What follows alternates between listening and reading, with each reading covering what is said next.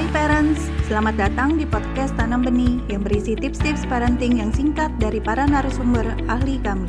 Untuk mendapatkan tips-tips terbaru kami, follow podcast Tanam Benih.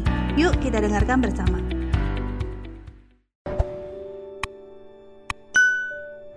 Beberapa waktu belakangan ini media sosial diramaikan dengan curahan hati dari para orang tua terkait dengan wabah virus corona. Bukan saja takut untuk terkena penyakit yang membahayakan ini, tetapi bisnis juga terdampak. Dan salah satu sumber stres utama yang dihadapi oleh para orang tua adalah ketika sekolah ditutup dan anak-anak harus belajar di rumah di bawah pengawasan orang tua. Memang ini adalah suatu saat yang sulit bagi kita semua, tetapi ini juga adalah momen bagi kita untuk mengajarkan values kepada putra-putri kita. Values apa saja yang bisa kita ajarkan kepada anak-anak kita? Yang pertama adalah values bahwa mereka tidak perlu blaming the situation.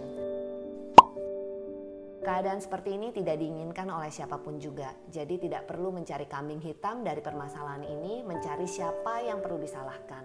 Yang kedua, attitude ataupun mindset untuk uh, menyelesaikan masalah, problem solving skills. Di saat keadaan seperti ini, home based learning ataupun online learning atau distance learning merupakan salah satu jawaban bagi permasalahan putra-putri kita. Bagaimana kita menyikapinya dengan positif adalah suatu contoh behavior yang bisa ditiru dan bisa menjadi teladan bagi putra-putri kita. Yang ketiga adalah values disiplin diri dan juga integritas. Ketika belajar di rumah, tentunya waktunya bisa lebih fleksibel, gaya belajarnya juga bisa lebih suka-suka. Dan kadang-kadang ketika diberikan tugas, guru pun tidak tahu siapa sih yang mengerjakan, tetapi integritas itu dimulai dari rumah. Kita menjadi contoh dan teladan integritas. Misalnya, ketika harus mengerjakan sebuah soal yang sulit, ketika sang anak minta tolong kepada kita, ya kita memberikan bantuan hanya pada batas-batas yang bisa kita berikan bantuan, bukan mengerjakan soal tersebut atau memberikan jawaban sehingga anak kita akan take credit dari apa yang kita lakukan.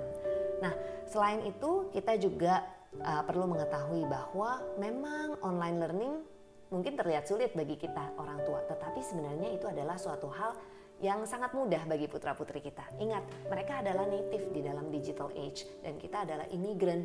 Sehingga apa yang kita rasa sulit belum tentu sulit bagi mereka karena mereka sudah terekspos dengan dunia digital sejak mereka lahir.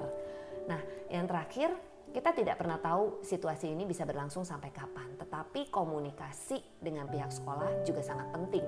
Karena apa? Pihak sekolah juga sedang menyesuaikan diri, pihak guru juga sedang menyesuaikan diri dengan situasi ini. Memang pembelajaran online ataupun digital bukan suatu hal yang baru, tetapi ketika sekolah ditutup seperti ini dan pembelajaran online menjadi satu-satunya cara di mana guru bisa mengajar dan murid bisa belajar, ini adalah suatu hal yang baru bagi kebanyakan orang. Maka dari itu, pihak sekolah juga sedang menyesuaikan diri, kita perlu berkomunikasi.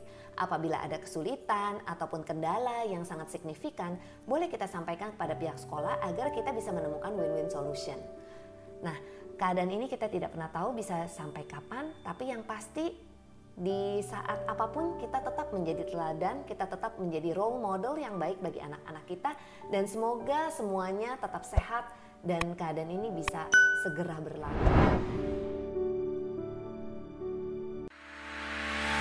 Terima kasih telah mendengarkan podcast Tanam Benih. Jangan lupa follow podcast Tanam Benih. Tidak pernah ada kata terlambat loh untuk belajar.